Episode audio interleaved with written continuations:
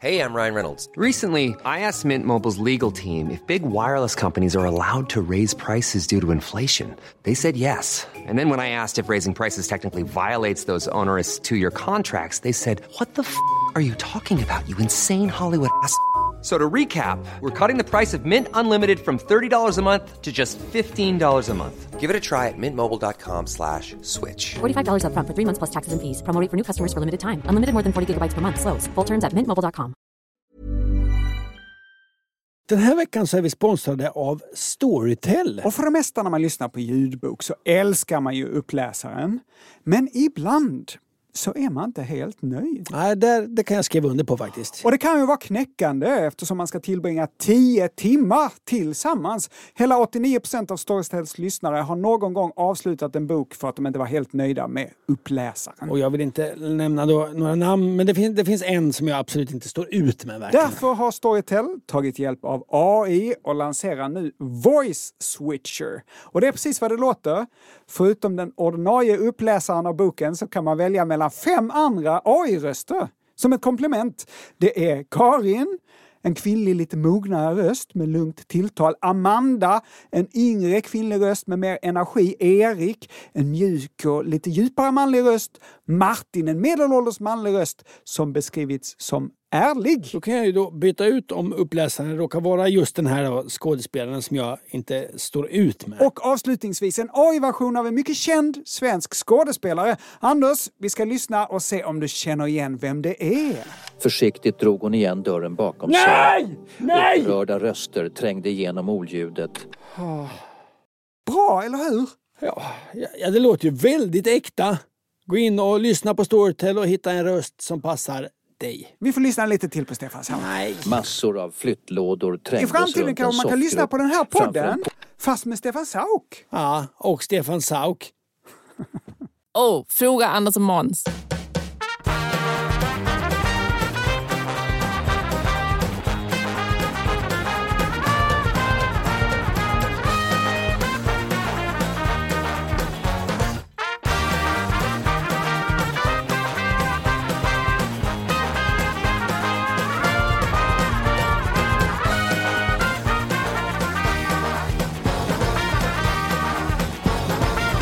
Varmt ska det vara och hjärtinligt dessutom välkomna till Fråga Anders Måns-podden som svarar på lyssnarfrågor med Måns Nilsson och Anders Johansson. Vad trevligt att ni lyssnar. Måns, hur är det med dig? Det är bra. Hur har veckan varit? Den har varit bra. Mhm. Vi har fått in nya doktorsavhandlingar. här har du en från Henrik Ankan. Oh, vad, vilken Du kan väl läsa högt vad den handlar om?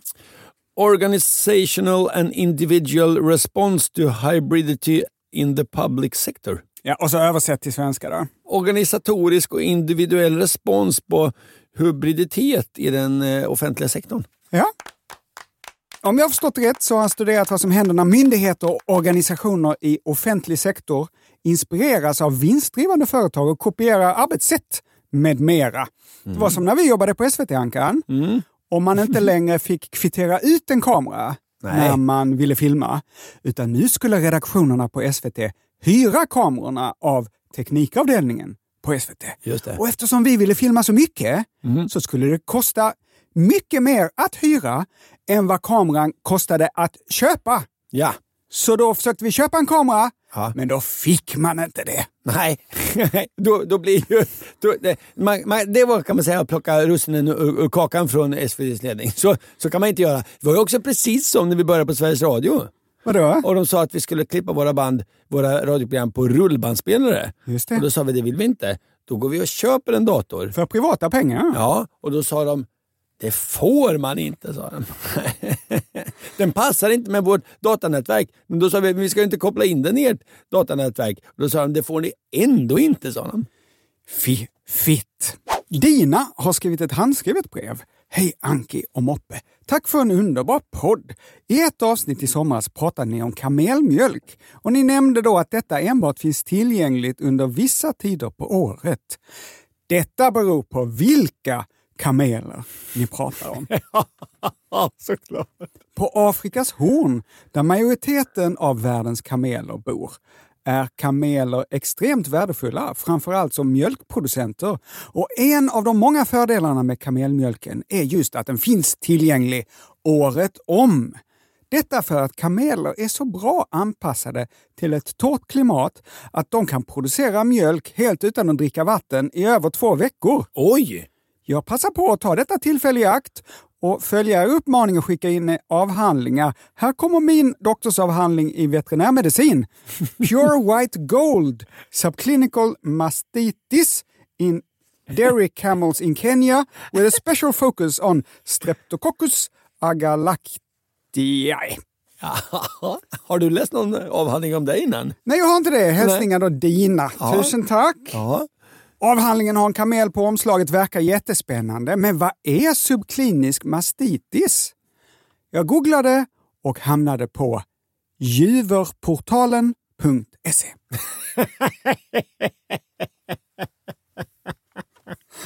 Anders, du har säkert läst eh, alla artiklar redan på juverportalen.se, men jag ska fräscha upp ditt minne. Mastit är inflammation av djuret till följd av infektion.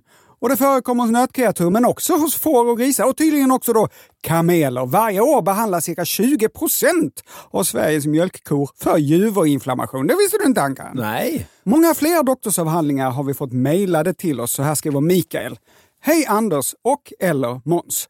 Jag känner inte till er podd, men mina vänner har sagt att den är bra. När jag googlade er så verkade ni vara någon typ av komiker. Ni är säkert väldigt roliga. Jag vet jag inte, men okej. Mina vänner Daniela och Axel har sagt att ni söker doktorsavhandlingar.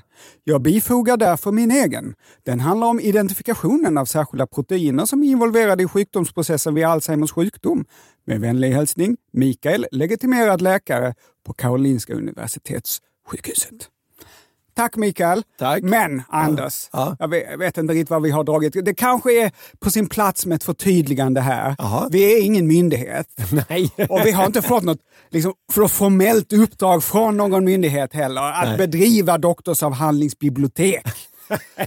Detta insamlande är något som vi råkade starta. Ja. Och om sanningen ska fram så kommer vi inte ens läsa de här avhandlingarna. Nej, säg inte den där kamel är jag ganska sugen Jag på. kommer nog bläddra i den här om juverinflammationer, ja. Ja, ja. Men jag har inte tid att läsa 400 sidor utan illustrationer om proteiner i sjukdomsprocessen vid Alzheimers sjukdom. Det hade gått ut över mitt dagliga scrollande på nätaktioner och läsandet av dumma memes på Reddit. Jag har inte tid helt enkelt. Nej.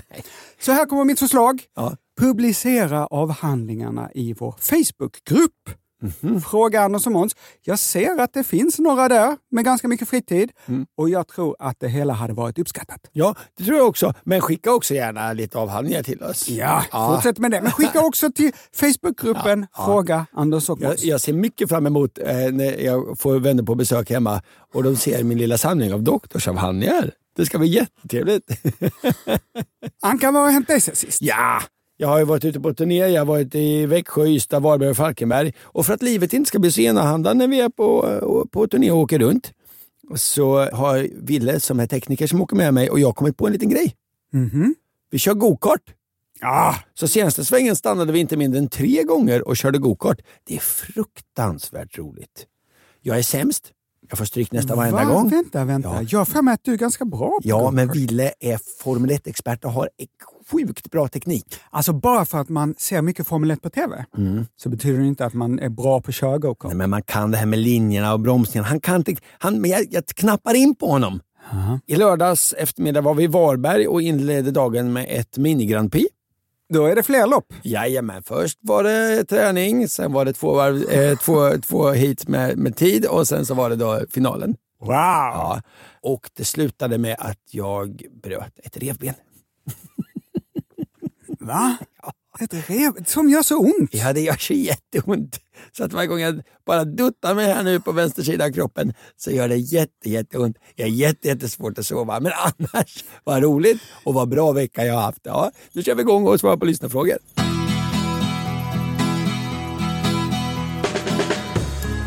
Om du reser till San Francisco Så sätt ett band av blommor i ditt hår Jag och min pojkvän Glenn undrar, heter alla Glenn i Göteborg och var kommer detta uttryck ifrån? Min Glenn är från Trollhättan. Borde han då byta namn? Ja, men Trollhättan ligger ju nära Göteborg. Med vänlig hälsning flickvännen Emily. Först och främst, nej. Han ska inte byta namn. Glenn är inte bara korta cigaretter som han tjuvrökte på högstadiet. Det är också ett underbart namn.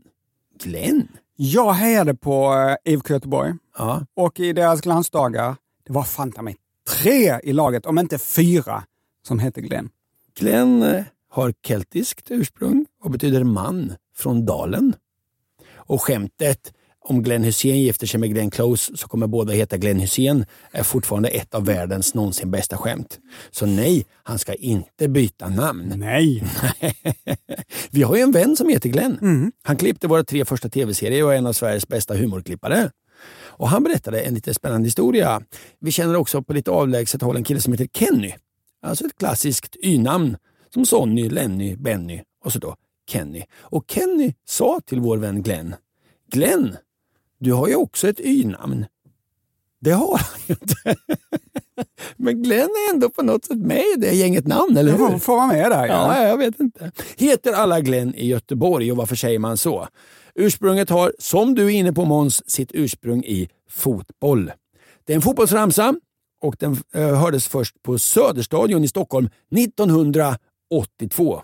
Det, det stämmer väl överens. Under SM-finalen skanderade Hammarbyfansen “Alla heter Glenn i Göteborg”.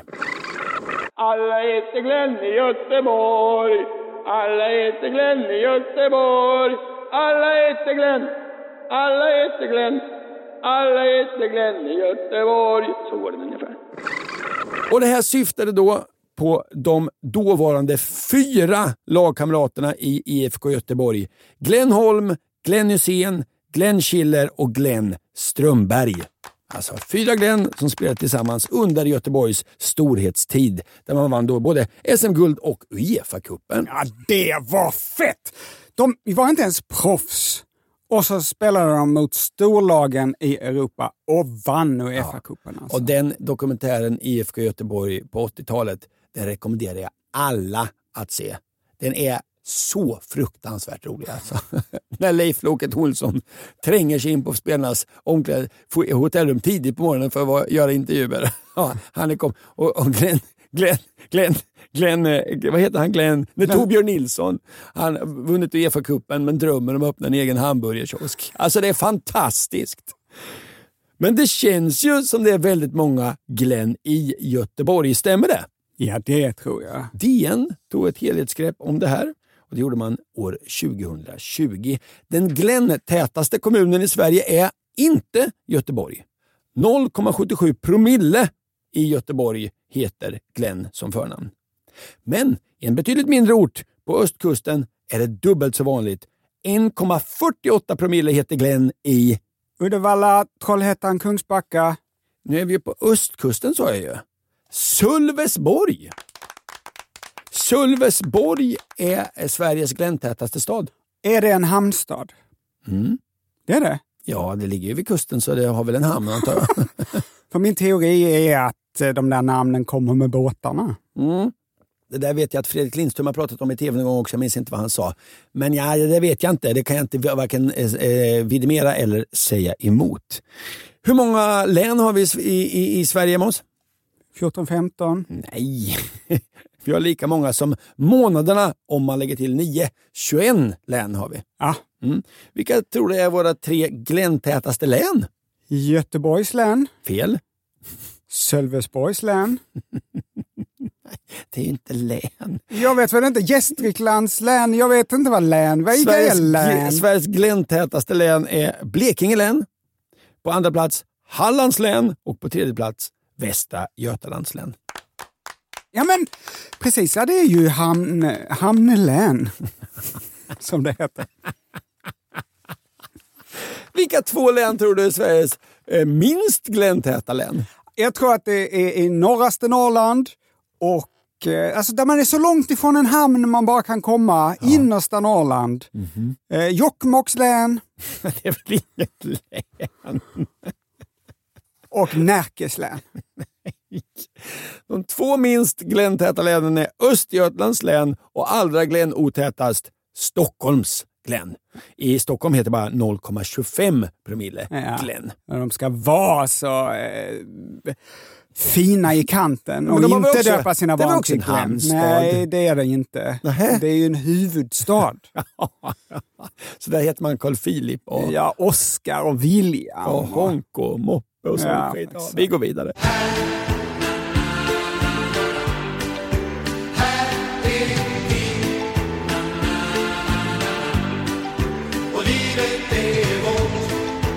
Låt mig gissa, det ska handla om djur. Det vet du för att jag precis berättade för dig. Ja, när vi tryckte på Under paus. jingeln. Ja, men jag, men jag vill ändå... Jag försökte toka till det lite. Så här skriver Martin, hej Anders och Måns. I avsnitt 90, självförsörjande på ägg i hela Sverige, pratar ni om ekorrar och varför man aldrig ser några ekorrungar. I avsnittet berättar ni att ett ekorrpar i Sverige föder i snitt åtta ungar per år och att de kan föda ungar under vintern eftersom de gömmer mat i skogen. Det fick mig att komma ihåg en studie kring ekorrars förmögenheter och hur dessa förmögenheter går i arv genom generationerna. Mm. Jag vill bara bromsa lite. Jag tror att han minns, jag tror ni får lyssna på avsnittet, jag tror att vår brevskrivare minns faktorna lite fel. Vadå? Det där som han skriver där, eh, det var en han, vem var det som skrev? Martin. Martin. Jag tror inte riktigt att det var åtta låter mycket och, och jag får lyssna på avsnittet igen. Det var jag som berättade de här grejerna. Ja, jag kommer ihåg det för jag klippte det. Ja. Två kullar, Ja. ja. fyra. Ja, just det. Ja, det är åtta ja. Det är åtta, sen går de ju åt. Men det här med ekorrars förmögenheter, det nämnde du inte något om. Nej, jag minns bara, jag vet bara det här att de gömmer massnötter så de har svårt att hitta dem igen. Martin fortsätter. Studien jag refererar till gjordes i USA och handlar om nordamerikanska röda ekorrar. Min fråga är därför om svenska ekorrar ärver på samma sätt som nordamerikanska och om så är fallet undrar jag om det finns en ekorröverklass i Sverige. Hälsningar Martin. Ja, det här är ju en jättebra fråga. Jag, har ju varit i USA det är ju två gånger och det är hemskt länge sedan. Men där är ju ekorrarna liksom lite mer närvarande. Det är de grå ekorrarna De där va? små chipmunks. Ja, De kommer, man, kan, man kan sitta och bara ta en fika så kommer det upp små ekorrar. de är inte alls lika skygga som Nej, svenska och röda mindre. ekorrar. Ja, Mycket mindre? Nej. ja, ja mycket mindre. Nej. Ja, Ungefär samma De är storlek. små som sparvar. Nej. Jo, de är mycket mindre. De är mindre. Okej, jag antar att det finns flera olika sorters ekorrar i Nordamerika. De feta, välgödda ekorrarna man till exempel ser i Central Park i New York, De är inte mindre. de är lite större. Ja, men de som är, jag då så i, i, i Kalifornien, de är lite mer som Piff och Puff. Piff och Puff. Mm. Jag är Piff och du är Puff. ja, men Sorry, men så är det. Ja, jag är ledsen. här. Det är tråkigt att, att, att känna sig slagen på det. Men eh, hur ser man skillnad på dem? Piff och Puff, Ja. för att Puff har en stor näsa. Är det så? Och jo, men jag, såklart har en stor svullen näsa och är superklantig. Jaha, Går in i stolpar. ja, Och... det visste inte jag. Jaha, jag stor näsa har jag. Ekorrars förmögenheter går alltså i arv. Martin har skickat en länk till en mycket spännande artikel i vetenskapstidskriften Behavioral Ecology. Den är från förra året och det är tre beteendeekologer som har sammanställt hur rikedomar i djurvärlden går i arv. Du är, är fnatte. du, du är fnatte. Okej, Anders, vad tror du det kan finnas för rikedomar i djurvärlden? Som går i arv? Mm. Nej, men nötter då. Mhm. Ja, eh, bon. Ja, Alltså bon ett fint gångsystem och så. Kanske någon mullvad som har byggt värsta systemet och så får en, en korv då och sen så ärver den då det fina gångsystemet. antar just det. Ja. Ja, så, nej, träd. Träd, förlåt? Ja, träd. Vadå? Att det är ett, man har ett träd som, eh, som det är mitt träd, det är någon fågelsort som har det här trädet som sitt revir. Ja. Ja, revir Ja! Kan arv? ja. Mycket bra, Anders. Tack så mycket. Människor kan ärva mark, hus, pengar och lösöre. Och samma i djurvärlden. Revir, bon, matvård och verktyg. men- Människor kan väl ärva allt i princip? Ja, lösöre är allt. Ja, ja precis. Ja. Det är inte vanligt att djur ärver. Man kan ju Men- ärva liksom frukt om man vill. Eh, ja. Ja, men om, jag- om jag skulle dö eh, Ja. nu efter den här Ja, Har du frukt? Äger du frukt? Har gett jag var och handlade igår, jag har massa frukt hemma. Ja. Då ärver mina döttrar min frukt såklart. Exakt. Ja. Om du inte har skrivit något Och frukt är inte, samboavtal. frukt är inte lösöre. Jo, det är ju det. frukt är inte lösöre. Ah. Frukt är frukt. Skriv till fråga snabel. Frukt, se. frukt. I ämnesraden lösöre frukt. Fr- Frukt är frukt, det är inte lösöre. Ingen mat kan vara lösöre. Martin nämner nordamerikanska röda ekorrar. Och där skapar en hona ett revir och bygger upp ett fett matlager bestående av grankottar eller ekollon. När hon sen får avkomma så lämnar hon över reviret och matförrådet till en av sina döttrar. De andra då, får de bygga ett nytt? Ja, ja, de är, får, måste ut och skapa sig ett revir och börja från scratch med matförråd. Men inte söner? De får inget, nej, de måste också göra detta. Jaha. Så den här enda dottern får då en enorm fördel jämfört med sina syskon, mycket större chans att överleva och kan komma igång och få egna ungar mycket, mycket tidigare. Privilegierade små rackare föds med silverkotte i mun. När det gäller fläckiga hyenor så ärver döttrarna sin rang i flocken efter mödrarna. Och om man har hög rang så får man bland annat äta före de andra och då överlever man och får avkomma i högre utsträckning. Så i längden så får den familjelinjen, alltså de som är i högst rang i Ja, eh, flocken, hy- hygien-överklassen. ja, de får allt fler individer i flocken medan andra icke-privilegierade familjelinjer dör ut. Det här borde ju inte gynna evolutionen. Nej, jag är med dig. Vissa västafrikanska schimpanser och skäggiga capuchinapor ärver verktyg av sina föräldrar. Till exempel stenar som är extra bra att knäcka nötter med. Ja, ja. Och de här, det är ju apornas lösöre. ja, de här bortskämda aporna ärver inte bara verktygen utan också kunskapen om hur man använder verktygen. Ja, men kunskap är man inte. Det, det är mer att föräldrarna tar ett ansvar. De visar och sen så, så småningom ärver de de här stenarna. Ja, just det. De har en Vis- väldig fördel mot de aporna som aldrig har lärt sig hur man knäcker nej, nötter nej, med nej, stenar. det är mycket som är människan. Sista exemplet. Jaha. I korallrev lever clownfiskar i symbios med havsanemoner. Ja, det är hitta Nemo-fiskar. Ja, en anemon ser ut som en växt, men det är ett koralldjur. Ja, just det. De har långa giftiga tentakler med stickande nässelceller. Och clownfiskar, som har utvecklat ett skyddande slemlager, får lov att gömma sig för rovdjur i anemonerna mot att havsanemonerna äter clownfiskarnas matrester. Ja, just det. Och fiskar har ju inte så bra bordsskick, så man kan tänka sig att det är ganska Men- mycket matrester som Kan trillar man inte ner där. klandra fiskarna för de har inga armar? Nej, exakt. Jag har inte sagt att det var... Nej. Att det Jag var tycker du sa det nedlåtande ton bara. Då ber jag om ursäkt. Ja, Men vad är det då eh, som kan gå i arv för de här clownfiskarna? Ankan? det är väl anemonen. Exakt. Vissa havsanemoner är större och bättre att gömma sig i än andra. Och de här kan gå i arv. Rätten att gömma sig i just den bästa anemonen går i arv och de andra fiskarna verkar respektera detta. Men har de något lösöre? Nej, Jag tror inte fiskar har så mycket lösöre. Nej, det tror jag inte. Nej, Nej, jag, nej. jag försöker tänka. Frukt och grejer. Nej, frukt är ingen lösöre. Nej. Nej. Det beror på. Ja. Ja, vi har pratat om nordamerikanska röda ekorrar och Martins fråga handlade om huruvida det är samma sak med svenska ekorrar. Mm. Om det finns en ekorröverklass. Och detta har jag googlat och googlat. Det har jag ju naturligtvis inte lyckats hitta svaret på, tyvärr. I vanlig ordning får vi då söka en ekorrforskare.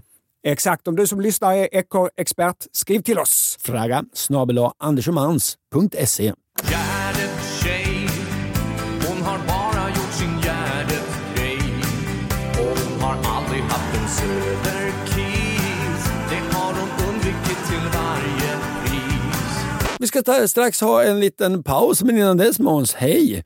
Ni har efterlyst eh, avhandlingar och här kommer en i etnologi där ni är omnämnda. Va? Den handlar om hur människor förstår hållbarhet och förhåller sig i sin matvardag.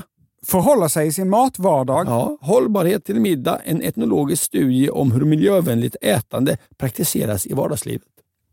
Jag skickade den fysiska boken till er när ni jobbade på Sveriges Radio, men hör av er om den aldrig kom fram och om ni önskar ytterligare två exemplar. Vänliga hälsningar Matilda. Nej Matilda, du behöver inte skicka, det har vi såklart kvar. Nu tar vi lite paus. Yes det bli vår egen sång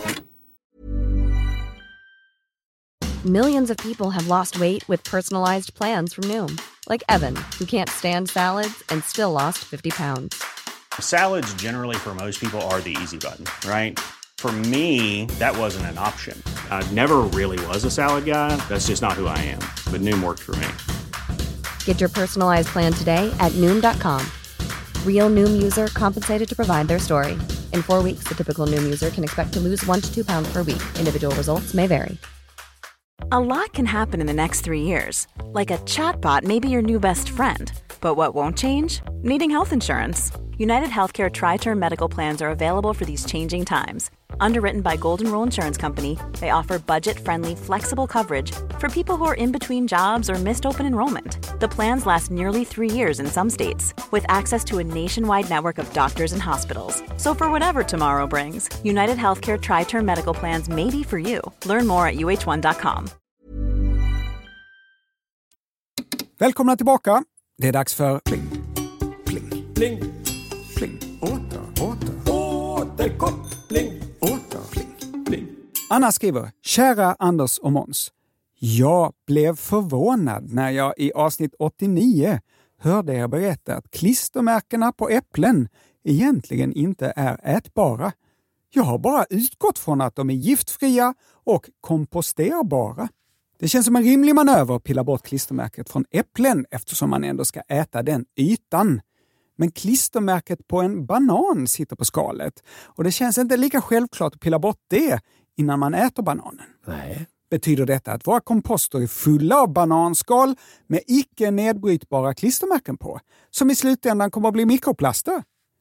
Eller känner alla redan till det här och jag är den enda som inte pillat bort bananklistermärket under alla dessa år? Nervösa hälsningar. Anna. Anna, det kan jag säga. Jag har också slarvat med detta. Ja, men Anna, klistermärkena på frukt är inte giftiga, men de är heller inte komposterbara. Åtminstone inte de flesta, så man ska absolut pilla bort dem innan man kastar sitt bananskal i komposten. Hej Ankan och Måns! I det senaste avsnittet av er podd undrar jag lite sådär i förbifarten vad E motsvarar i det gamla betygssystemet med siffrorna 1 till 5.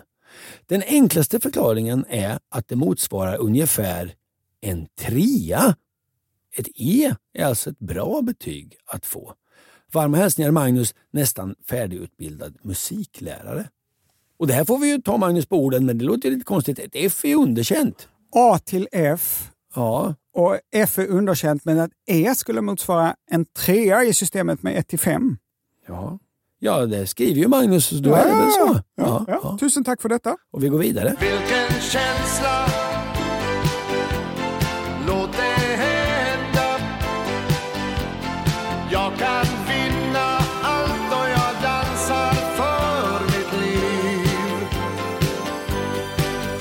Vi har fått ett mejl från Karin med rubriken “Vår måne borde också ha ett fett namn”.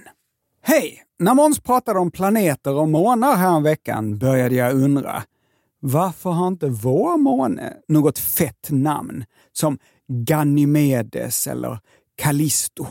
Varför är den bara månen? Ja, men det, det, det är också, i och med att alla andra månader, det är liksom som att det är fett på ett sätt. Alltså du Måns har ju ett namn, ditt namn är ju Måns. Mm. Men, men tänk att, vara, att man hette namn. Eller mannen? Du menar att alla, all, alla andra är i Alltså, man- relation till... eh, Men må- månen heter ju månen. Att den alla- är en av många månar, men det är den som får heta månen. Ja, det måste vara ändå ett gott betyg. Ah, ja, nej, jag är med Karin här. Hon fortsätter. Det är orättvist tycker jag. Kan vi kanske åtgärda detta? Vad tycker ni att månen ska heta? Tack för brevet Karin och jag håller med. Att vår måne heter månen Mm. är som att jorden skulle heta planeten. Sverige skulle heta landet. Ja. Jag skulle heta snyggproffset. Nej. Det är fantasilöst och tråkigt. Anders, vad tycker du att månen ska heta? Glenn. När man tittar på andra språk så heter månen fortfarande månen. The moon. Fast på deras språk där. Ja. Men något av alla dessa ord kanske är fantastiskt vackert. The moon på engelska. På grekiska heter måne fengari. La luna. Något va? På latin och därmed många romanska språk. Precis, Anders, du kanske kommer ihåg låten La Luna med Belinda Carlisle. Den enda artist som Sportradion spelade.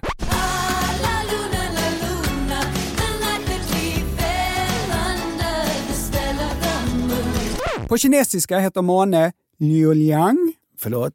Liuliang. Ja. Andra namn på månen Selene var en grekisk mångudinna och därför kallas månen ibland för Selene.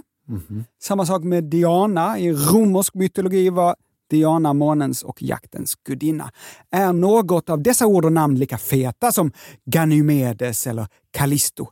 Nej. Nej. Därför behöver vi er hjälp. Vad ska månen heta? Skriv till! Fraga snabel andersomans.se och då måste ni också motivera.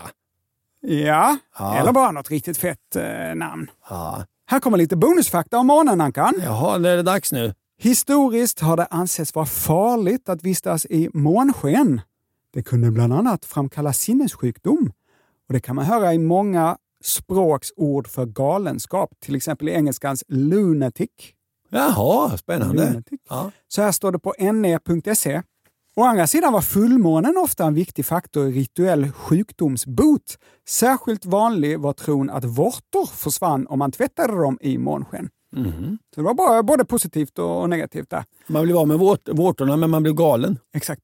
Anders trodde att någon människa är begravd på månen. Nej. Så du tror inte att uh, röstskådespelaren Alan Reed som gjorde Fred Flintstone i Hanna-Barbaras tecknade serie om familjen Flinta på 60-talet är begravd på månen? Nej. Nej, det är helt rätt. Men det finns en person som är begravd på månen. Den första och enda människa vars aska förts till en annan himlakropp är den amerikanska astronomen Eugen M. Shoemaker. Heter han Shoemaker? Ja. Ja, ja, ja. När NASA kraschade rymdsonden Lunar Prospector mot månen 1999 så fanns Eugens aska med på den där sonden. Det var lite bonusfakta om månen. Men vi har ju det mitt bästa fakta om månen är ju det här att eh, det- folk säger att de inte kan sova för att det är fullmåne. Ja. Och så hade det gjorts en undersökning som visade att det var bara trams. Sen gjordes det en undersökning till som visade att det låg en viss sanning i det. Vilken som hade rätt och fel det vet man inte, men teorin där var ju att många djur har jagat med hjälp av fullmånen. Att de ser bättre. Ja, och att då har vi den nedärvt i oss att när det är fullmåne måste vi vara lite på vår extra vakt. Nu ska vi prata om något helt annat.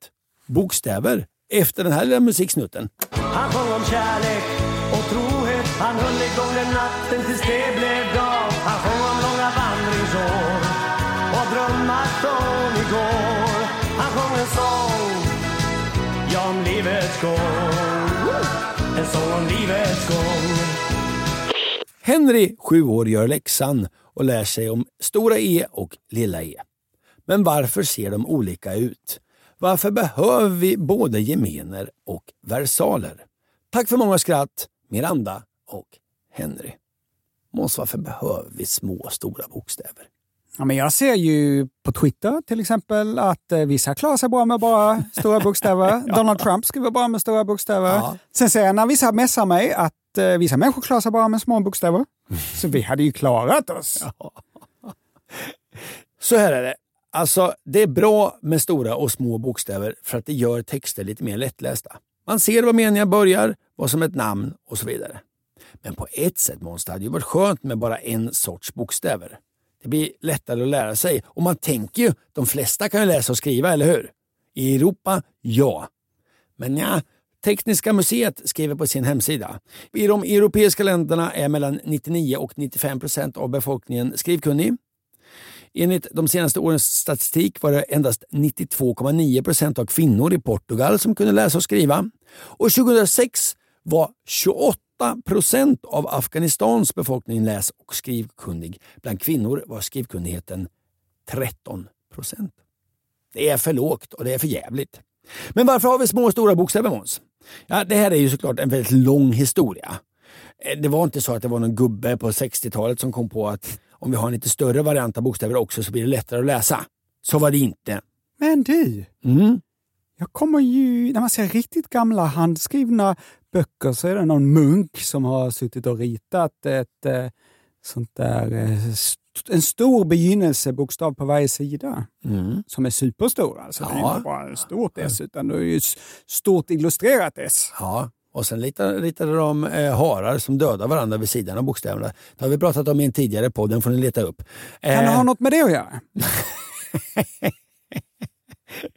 My Modern Met har en oändligt lång artikel om stora och små bokstäver och dess historia. Jag ska försöka sammanfatta fatta den. Samman? Nej, sammanfatta sa jag. Om man tittar på en sån här antik romersk inskription eller så, då är alla bokstäver vad då Måns? Eh, Romers inskription, då är det alla stora. De är alla stora. Och det här kallas då för en majuskelskrift. Jaha. Enligt Wikipedia, skrift skriven för hand med majuskler, det vill säga versaler. Majuskelskrift är det, vanliga, är det vanliga skrivsättet i antika handskrifter på både grekiska och latin. Eh, Majuskelskriften den är relativt omständig att skriva eh, och därför har man den mest i just här inskriptioner och i rubriker. Och så. Varför är det mer besvärligt att skriva versaler än gemena? Därför att det glider inte lika lätt. Vadå glider? De skulle väl rista in det liksom i, i någon sten eller? Skriver du ofta majuskelskrift Måns? Hmm. Alltså när man textar på eh, gratulationskort och sånt kanske man bara skriver med versaler. Jaha, ja, jag vet inte. Jag, jag skriver aldrig majuskelskrift. Jag fortsätter på min långa artikel från eh, Modern Myth. Det andra var från Wikipedia, du hörde nyss här. När våra romerska språk utvecklas, och det är från eh, latin då, och så utvecklas också skriftspråket, är det främst alfabetet där. Va? Och efter romarrikets fall så använder många latinska texter en stil som kallas då uncialskrift. Alltså den här majuskelskriften utvecklas till något som kallas då uncialskrift. Och det är inget konstigt. Lyssna vad Wikipedia säger. Uncialskriften utvecklades och sedermera ersatte romersk eh, kursiv kapitalskrift. Just det. Sen blir det intressant. Sedan pergament ersatt papyrus som skrivunderlag visade sig uncialskriften med sina lite rundare former och sitt universalalfabet vara lite snabbare handskrift. Jaha. Och pergament, alltså pergamentet, det är ju djurhudar det. Och när man skulle skriva på det, då var det lite lättare, men lite rundare. Lite... Jaha. Och nu börjar en ny typ av skrift utvecklas som kallas halvuncial. Det var också ännu, mer, var ännu lite mer rundare. Varför heter den då halvuncial? Då borde den heta ännu mer uncial. Ja, Den heter halvuncial. Och nu börjar bokstäverna bli ännu mer rundare och börjar mer och mer likna små bokstäver. Små bokstäver eh, som då kallas minuskelskrift. Om man bara skriver med små bokstäver, det är minuskelskrift det. Och det kan spåras tillbaks till den franska kungen Karl den stores hov. Min dotter mässar med minuskelskrift. Är det må, må hända den här franska kungen då Karl den store som ligger bakom all den här jävelskapen eh, som gör att dagens lågstadieelever måste gå igenom och, och sig alla bokstäver två gånger? Stort och litet. Det dummaste är ju eh, det. Att magen pekar åt eh, höger på stor Ja, och vänster på liten. ja det blir fel. Hur, vad är logiken bakom det? Eller har jag fel? Nej, Nej.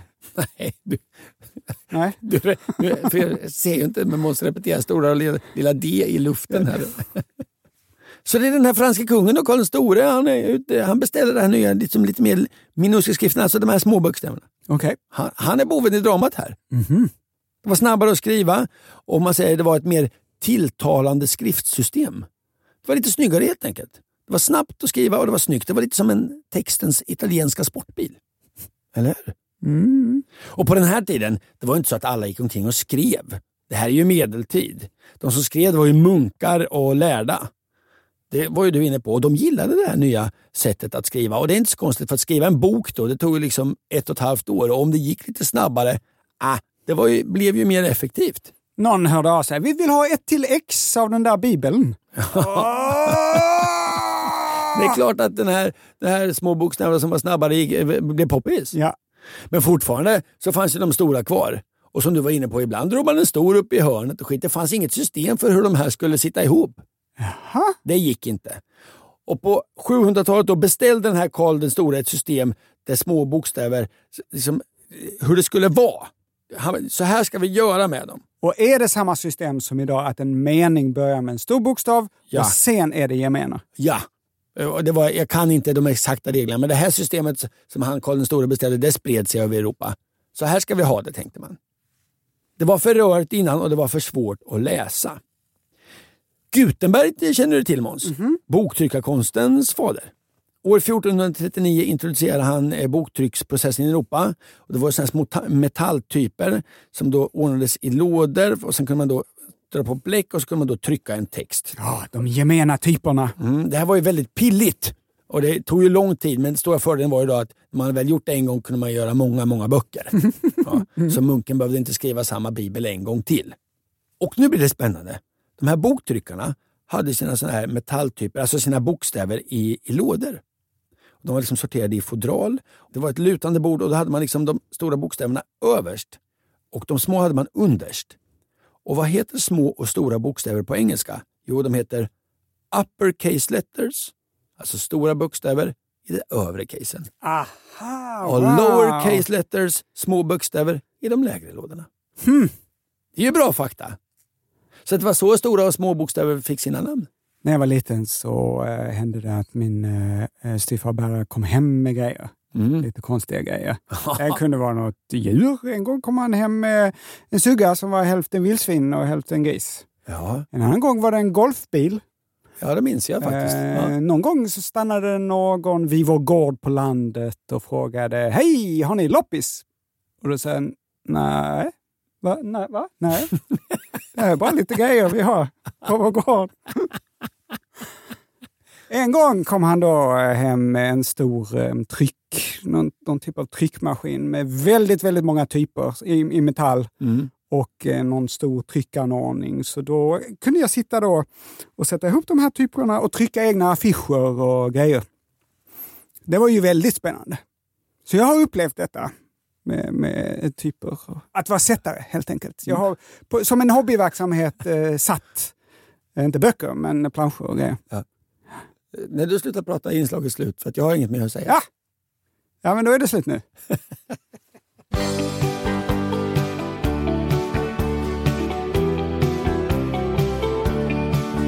Och hon ser aldrig mer tillbaka. Hon lever just nu, hon har egna drömmar. Är starkare än det förflutna. Hon väljer sin väg och har egna Henrik har skickat en fråga. Jag tror att du kanske kan gå igång på den här frågan. Är Ankan. du ironisk att det handlar om fekalier eller så? Nej, nej. Kära Anders och Måns, jag har funderat på varför alla bilar verkar gå 5-10 kilometer i timmen långsammare än vad en GPS-mottagare visar. Är det så att alla bilar är utrustade med glädjemätare eller visar GPS-mottagaren fel? Vänligen Henrik. Förstår du frågan Ankan? Absolut, och det här minns jag från den tiden eh, när man gick i, i låg och mellanstadiet och satt i skolbiblioteket och läste te, eh, Teknikmagasinet. Jaha. Ja, då var det ju alltid, då testade man ju bilar och då var en del av de här testen var alltid liksom hastigheten med fart jämf jämfört med, med eh, verklig fart. Då hade ju de eh, på Teknikmagasinet riktiga mätare och då var det alltid så att mätaren visade 5-6 kilometer mer än verklig fart. Mätaren visade mer än verklig Ja, fart. som jag körde i 50 så kör, eh, enligt mätaren så gick bilen i 45. Du har helt rätt Anders, fast tvärtom. Jag ska förklara. Tack för frågan Henrik. För det första, din GPS visar rätt. Hastighetsmätaren på din bil visar fel. Och det här är med flit från bilproducenternas sida. Det är nämligen så att det är förbjudet att en bil har en hastighetsmätare som visar lägre hastighet än vad bilen verkligen färdas i. Det får inte stå 100 km timmen på din mätare när bilen kör i 105 km i timmen. Men det är det. Det är förbjudet. Ja, men det är det jag menar. Då måste biltillverkaren genast återkalla alla bilar och åtgärda det här felet, för det är förbjudet. Ja, ja, ja. Men åt andra hållet, att hastighetsmätaren visar för hög hastighet. Mm. Mätaren visar 105 km i timmen när bilen egentligen kör i 100 km i timmen. Ja, det är det jag menar. Det var ju det jag sa. Det är tillåtet. Ja. Så då tar biltillverkarna det säkra för det osäkra. Så på alla gamla bilar visar hastighetsmätaren lite högre hastighet än det som du verkligen kör i. Ja, det var ju det jag sa. Mätaren visar 50 men jag kör 45. Du har rätt! Ja. Det är jag som tänkte fel. Ja. Ja. Du helt rätt. Ja. På moderna bilar så har mätarna blivit lite mer exakta. Mm. Så här skrev tidningen Vi bilägare 2019. Felvisningen ligger vanligtvis på plus 2 till 4 km i timmen. Mhm. Så om mätaren visar 100 km i timmen så kör du antagligen i 96 till 98 km i timmen. Mm. Så här skriver Roine Jönsson i eh, kommentarsfältet på Vi bilägare. Det är typ ett bilägarnamn, Jag tar inte Roine också. Det var kanon. Kontrollera att du har korrekt däcksdimension på bilen. Hastighetsmätaren är kalibrerad utifrån den däcksdimension som anges av tillverkaren. Däck med större rullomkrets än originaldimensionen resulterar i att hastighetsmätaren visar ett för lågt värde. Nej, vad dumt. Då kan man få fortkörningsböter ju. Ja, har du tänkt på detta någon gång? Nej, men att du måste kolla upp Nej. originaldimensionen på däcken, att du inte kan sätta större. Nej. För då visar hastighetsmätaren fel. Ja, det vill jag inte. Nej, mycket bra tips av Roine Jönsson här. Mhm. Och det får avsluta det här eh, veckans upplaga av podden Fråga Anders och Måns. Vi är som vanligt tillbaka redan nästa vecka och då svarar jag på nya frågor som ni har skickat till adressen. Snabel-a andersochmans.se. Tills dess, ha det så bra. Puss och kram. Hej då.